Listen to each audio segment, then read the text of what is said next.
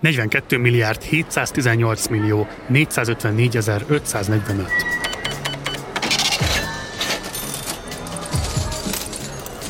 Tavaly novemberben majdnem 43 milliárd forinttal többet költöttünk el online webáruházakban, mint egy átlagos hónapban. Ez az összeg akkora, mintha egy hónap alatt eltapsolnánk Hernádi Zsolt vagy Simicska Lajos teljes vagyonát. Ebből a 43 milliárd forintos extra költésből minden debreceni és minden szombathelyi lakos rendelhetne magának egy-egy mosógépet, és még valamennyi pénz is maradna. Ez a Black Friday hatás. Black Friday! Black Friday! Black Friday! Black Friday! Black Friday! Ilyenkor magyarok százezerei vadásszák a leárazásokat, hogy a hónap utolsó péntekén végre megkaparintsák a régóta vágyott új telefont, hogy lecseréljék a sütőt, vagy csak feltöltsék a fürdő szobai piperekészletet. A Black Friday természetesen Amerikából indult. Az elnevezésnek eredetileg negatív töltete volt. A történet szerint a filadelfiai rendőrök kezdték fekete péntekként emlegetni a hálaadás másnapját, mert elegük volt már, hogy ilyenkor vásárlók tömegei lepik el a város különböző leárazások miatt. Később a kereskedők is belenyugodtak az elnevezésbe, és újra értelmezték a jelenséget. A Black Friday évek óta jelen van Magyarországon is, de mivel nálunk nincs hálaadás, az időpont sem olyan szigorú. Vannak áruházak, ahol egyenesen fekete hónapot hirdetnek, hogy a karácsonyi bevásárlás már tényleg az ősz közepén elkezdődjön. A Péntek reggel eheti podcastjában Kántor Barbara kulturális antropológussal, marketingkutatóval, a Catapult Innovation Lab kutatási igazgatójával beszélgetünk a Black Friday rítusáról, a fogyasztás mámoráról és az évvégi spórolásról. Én Gulyás Márton vagyok, ez pedig a Péntek reggel. Hírháttér a Partizántól.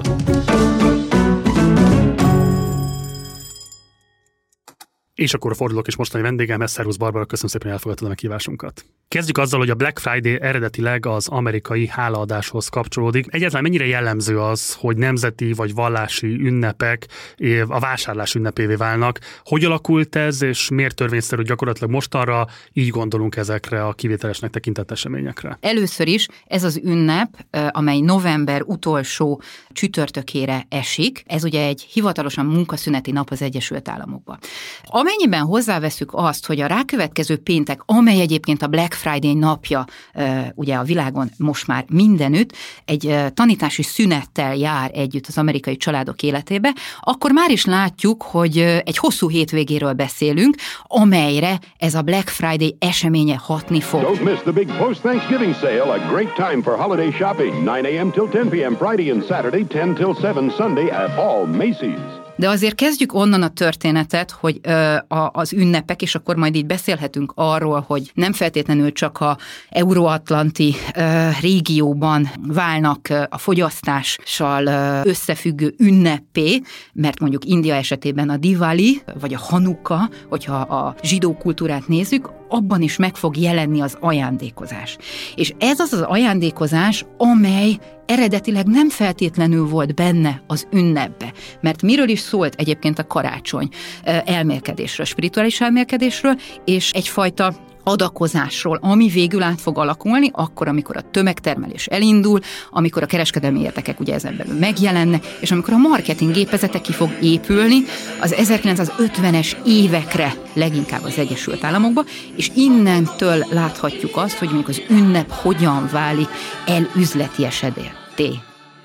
Nekem a Black Friday annyiban tűnik egyébként egy ilyen késő kapitalista túlhajtásnak, vagy vadhajtásnak pontosabban, hogy itt konkrétan már nem is az ajándékozás, hanem konkrétan csak a fölhalmozás és a fogyasztás az, ami a legfontosabb motiváció. Van még hasonló típusú ilyen ünnep, amit dedikáltan már egyáltalán nem arról szól, hogy valaki másnak hozzunk, vagy fokozzuk az örömét, hanem csak arról, hogy hogyan tudunk magunknak újabb tárgyakat fölhalmozni és a birtokunkba tudni?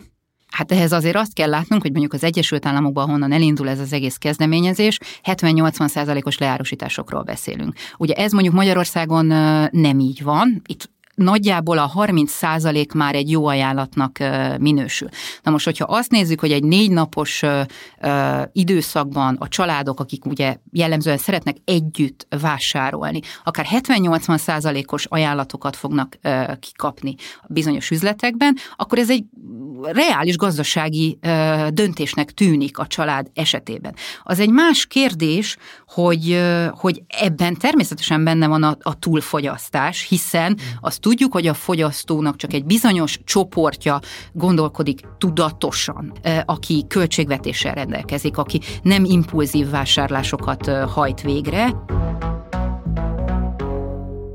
Ezek a 70-80 százalékos leárazások, ezek arra mutatnak rá, hogy egyébként az elérhető termékeknek a döntő többsége erősen fölül van árazva, és ezért van lehetősége a kiskereskedőknek egy alacsonyabb áron is értékesíteni ilyenkor ezeket a termékeket, vagy inkább arról szólnak, hogy be van kalkulálva egy ilyen típusú veszteség, és még így is megírja a kereskedőknek, mert ezzel olyan többletet tudnak behozni ezen az egy napon, vagy olyan érdeklődést tudnak generálni, ami az év többi napján is kifizetődő a számukra. Mi az üzleti megfontolás egy 70-80 százalékos leárazás mögött?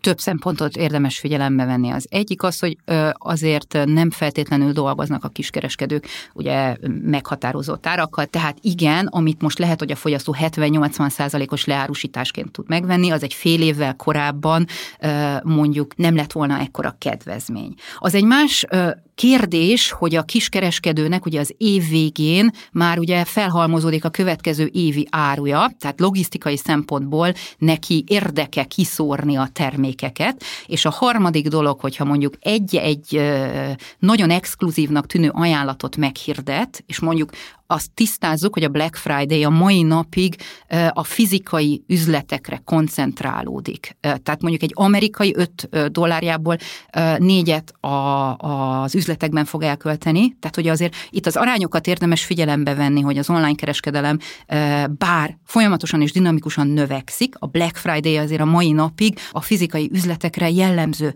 és itt már belemehetünk a tömegpszichózisba, hogy hogyan fog a tömegpszichózis impulzív vásárlást eredményezni, eredményezni. Hát meg a FOMO, hogy nem maradjunk ki. Há, persze, persze, hiszen, hiszen mi a Black Friday-nak a, a narratívája, hogy ez a végső leárazások napja. Holott nagyjából tudjuk, hogy a karácsony követően a minimum 50%-os leárusítások szintén meg fognak jelenni.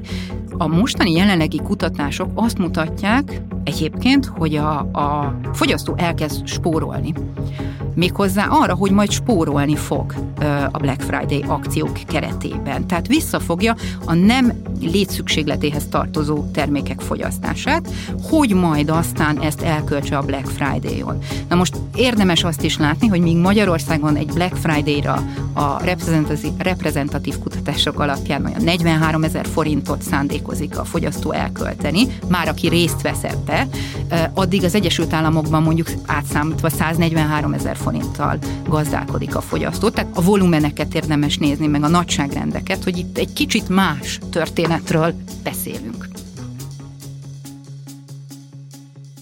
A hírlevelünkben részletesen írtunk arról, hogy a Black Friday hatása hogyan jelenik meg a magyar fogyasztási statisztikában is. Egyébként itt is fölhívnám a hallgatóink figyelmét arra, hogy ha még nem iratkoztak fel a hírlevélre, akkor mindenképpen tegyék meg, mert ott további háttérinformációkkal is szolgálunk. Most egy kicsit általánosabban kérdeznélek arról, hogy pontosan mi a mechanizmus egy ilyen vásárlási ritusnak, hogyan tud ennyi ember behúzni, hogyan működik ez a tömegpszichózis. Először is azt kell látni, hogy az ilyen ünnepek, mint mondjuk a hálaadás, vagy a karácsony, vagy mondjuk a holdúj év Kínában fogyasztási rítusként határozhatók meg. A marketing kutatók ezt így szokták jellemezni, és miért mondják ezt rítusnak? Mert, mert egy meghatározott forgatókönyvvel rendelkeznek ezek az ünnepek. Tehát ebben van az évről évről való ismétlődés, valamilyen szempontból kulturálisan jelentőséggel bíró hagyomány kerül a középpontba, olyan emberek vesznek részt ezeken az ünnepeken, akik nem feltétlenül vannak jelen a fogyasztó mindennapjaiba. Értsd, ez azt jelenti, hogy karácsony esetén a rokonság is ott van. Ugye ez a fogyasztásra hatást fog gyakorolni. Ha csak a karácsonyi megterített asztalt nézzük, akkor látjuk, hogy mondjuk a megnövekedett élelmiszervásárlás a decemberi hónapokban ezzel áll összefüggésbe. Vagy, és akkor itt hangsúlyozhatjuk az ajándékot. Ez maga a fogyasztási rítus. Az, hogy ebből mondjuk egy Black Friday hogyan tud kiemelkedni, az előbb említett ciklikus ismétlődés fog együtt járni a várakozással. Ha megnézzük, november első hetétől már elkezdik felkészíteni a fogyasztókat arra, hogy fog jönni egy olyan árkedvezmény a te életedbe, amit, hogyha te nem használsz ki, akkor nem leszel okos fogyasztó. Még egy fontos ö, dolgot érdemes ö, megnézni, hogy ugye a fogyasztók alapvetően elkezdtek és itt az online, online fogyasztásról is érdemes megemlékeznünk, többet foglalkozni azzal, hogy mit szeretnének utána néznek, olvasgatnak, bár mondjuk októberben még nem tudják a kutatások szerint, hogy milyen akcióra fognak rácsapni, de elkezdenek készülni erre. És ugye van egy olyan kifejezés, hogy takarékossági fáradtság jellemzi a fogyasztót, mert hogy elkezd ugye nézelődni ilyen akció, ilyen kuponok, és egy idő után elfárad. Na most, hogyha ebbe belejön egy Black Friday akció, akkor ez kvázi egy győzelemnek tekinthető számára, hogy ja, hát akkor, hogyha ekkora kedvezményt tudok elérni, akkor végre letehetem ezt a stresszt, amit egyébként az ünnepi szezon egyébként is hoz, mind, gaz, mind a költségvetés, egy család vagy egy háztartásnak a költségvetését nézzük, mind egyéni szinten. Tehát ez egy stresszes időszak. Hallgatlak téged, és nyilván kerülni kell az összeesküvés elméletetnek a terjesztését, de nem tudom nem kihallani a szavaidból azt, hogy azért ez az egész Black Friday egy rendkívül manipulatív és okos módon összerakott, gyakorlatilag pszichológiai hadviselés a társadalommal szemben, hogy a fogyasztásukat mesterséges módon is ösztönözzék, akár úgy is, hogy az elemi anyagi érdekeiknek a kárára döntenek újabb és újabb cikkek beszerzése mellett. Ez kutatások igazolják, cáfolják, árnyalják, mit lehet erről elmondani?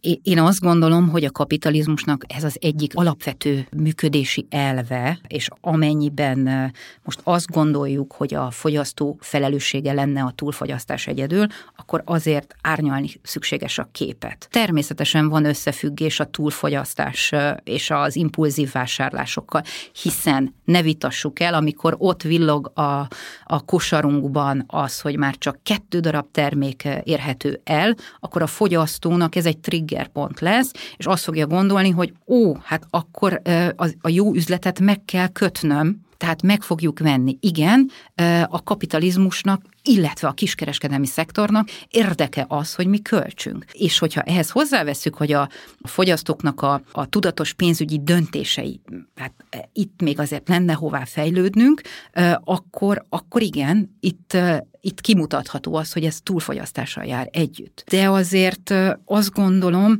hogy lennének megoldások erre, hogy ezt hogyan lehetne egyébként egy kicsit racionalizálni, és ebben az edukáció szerepét kiemelkedőnek látom, illetve az, hogy a fogyasztó bűnbak képzése helyett valójában megmutassuk azt, hogy a túlfogyasztásnak mondjuk a környezeti terhelés, vagy az etikai dilemmákat, amiket felhoz, ebben milyen szerepe van a gazdasági szereplőknek, vagy a kormányzatoknak, és nem csak a fogyasztóknak. Egyébként két fogyasztói szegmens az, aki Magyarországon különösen figyelemmel kíséri a Black Friday-t. A egyik a fiatalabb generáció, mondjuk az Z-generáció, a másik pedig a nyugdíjasok, és ez ugye két olyan fogyasztói csoport, akinek a költségvetése kiszámított. Ugye a nyugdíjas azért fogja a Black Friday akciókat nézni, hogy spóroljon, hiszen árérzékeny fogyasztó, de szintén árérzékeny a fiatalabb generációs, akinek az elkölthető forrásai azért még limitáltabbak a többi generációhoz képest. 2008 és 13 között dolgoztam egy ilyen kisebb számítástechnikai üzletben, és én amúgy úgy emlékszem, hogy akkor még egyáltalán nem volt ez a Black Friday itt, hanem sőt így akkor kezdett bejönni valahogy így közben. Kitáltuk, hogy mi nem lesz hülyeség, ezt mi nem csináljuk. És nem volt Black Friday akció, de egy idő után elkezdték az emberek követelni. Tehát ilyen mérges telefonokat kaptunk, hogy mi az, hogy nálunk nincsen Black Friday, hát ő erre várt egész évben. Körülbelül egy tíz évvel ezelőtt a családom nagyon szeretett volna egy tévét. Jött a Black Friday, elterjedt a hír, hogy Ausztriában mellettünk, tőlünk körülbelül 20 kilométerre, körülbelül egy 80% kedvezményen lehet megvenni a tévét és ezen nagyon felbuzdultunk, és reggel nyolckor nyitott aznap az üzlet, úgyhogy eh, reggel hétre mi már kiértünk. Hát igazából, amikor egy órával a nyitás előtt odaértünk, akkor már mondták, hogy már ne álljunk be a sorba, mert már nem lesz. Úgyhogy nem lett tévénk kvázi ünnep volt ez, vagy úgy vártuk, hogy Black Friday lesz, szerintem egy héttel előtt is beszéltünk róla. Mi karácsonyi ajándékot néztünk apámmal, és ö, emlékszem rá, hogy gin is voltam, tizedikes, és nagyon szerettem volna egy fényképezőt, és csak nyolckor nyitott az oldal, és nekem már iskolába kellett lenni, ezért neki egyedül kellett megrendelnie a, a kamerámat, és sikerült neki. Ami nagyon nagy szó, mert, mert apám nagyon tudta kezelni akkor, És akkor beszéljünk az online vásárlásról, mert az elmúlt évben óriási löketet kapott ez a szektor. Ehhez képest számomra meglepő volt, amit mondtál, hogy az amerikai 5 dollárjából csak egy dollár hasznosul, vagy kerül elköltés az online szintéren, és 4 dollár továbbra is a kiskereskedelmi szektor fizikai bevásárlóközpontjaiban, vagy bevásárlási helyein költenek el.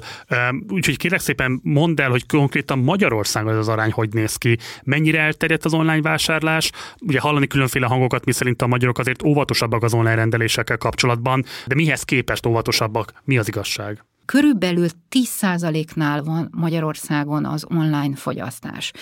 Bár bővül ez a szám, és ebben a COVID abszolút mértékben változást hozott, azért ez korán sem akkora jelentőséggel bír. Bár abban igazad van, kimutathatóan novemberben megugrik az online vásárlások száma, de ugye ez csak egy bizonyos fogyasztói csoporttól érkezhet. Két kérdés lenne kíváncsi. Az egyik az az, hogy mely társadalmi decilősek, mely társadalmi rétegekre hat leginkább a Black Friday hatása, a másik pedig, hogy pontosan mire irányul ilyenkor a beszerzés, milyen területek vezetnek hogyha ha 43 ezer forintot tervez a magyar fogyasztó elkölteni egy Black Friday eseményén, és ezt az inflációval uh, együtt veszük figyelembe, akkor ez azért nem jelent egy olyan hatalmas növekedést az elmúlt uh, időszakhoz.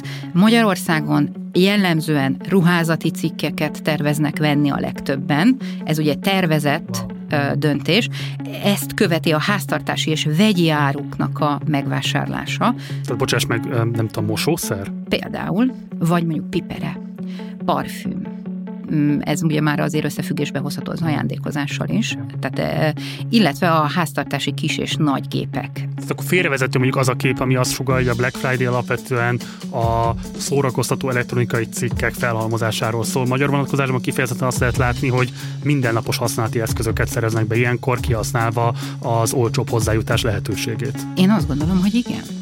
Sőt, hogyha hozzáveszünk azt, hogy mondjuk, ha megnézzük a, a KSH adatokat, hogy mondjuk a háztartási nagy gépeket vásárolunk decemberbe, akkor talán megkockáztathatjuk azt a kijelentést, hogy a magyar családok akár karácsonyra vesznek egy mosógépet, tehát mondjuk elhalasztanak egy nagyobb rendkívüli kiadást, és karácsonyi kvázi ajándékként meglepi a család magát egy mosógéppel.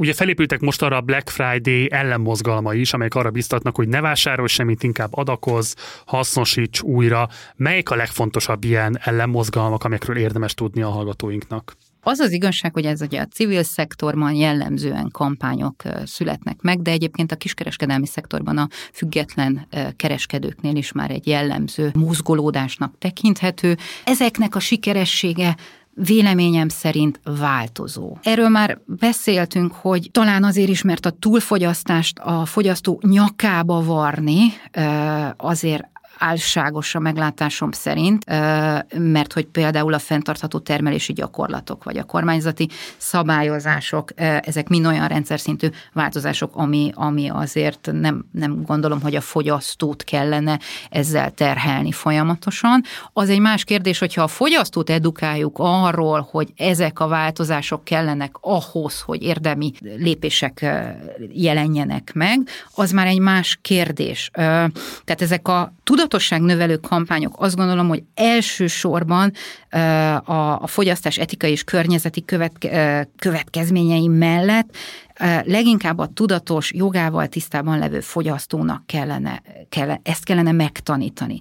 Mind a mellett a politikai érdekérvényesítés is azt gondolom, hogy egy rendkívül fontos, tehát hogy a fenntartható gyakorlatokat elősegítő szakpolitikákkal legyünk tisztába, mit jelent ez, kiterjesztett gyártói felelősségvállalást, vagy megtanítani a fogyasztót arról, hogy mit jelent a tervezett elavulás, és hogy ez, ez, ennek a betiltása miért lenne fontos, mert ha betiltjuk ezt a tervezett elavulás javulás kérdését, akkor ugye a fogyasztó nem fog feltétlenül ö, új mosógépet venni, folyamatosan. Tehát, hogy igen, lehetne edukálni arról, hogy miképpen működik a marketing, vagy a, hogy a marketingben milyen manipulációs eszközök vannak, az osztott felelősséget kellene hangsúlyozni. Kántor Barbara, nagyon szépen köszönöm, hogy itt voltál velünk. Én köszönöm, hogy itt lehettem. Ez volt a péntek reggel a Partizán új hírháttér szolgáltatásának podcast beszélgetése. Ha még jobban érdekelnek a Black Friday mélységei, olvasd el a témáról szóló elemzésünket is. Ehhez nem kell más tenned, mint feliratkozni a leírásban található linken keresztül. Ha így teszel, ezentúl hétről hétre kiválasztunk neked egy számot, és elmagyarázzuk, mi van mögötte. Iratkozz fel, hogy minden pénteken elsőként kap meg a hírlevelünket, podcastunkat és egy perces videónkat. Három különböző formában járunk körbe egy fontos és aktuális témát, és te döntöd el, mennyire mélyülsz el benne. Elsőre csak egy szám, de valójában meghatározza az életedet. Nézd, olvasd, hallgassd. Minden péntek reggel. Ciao.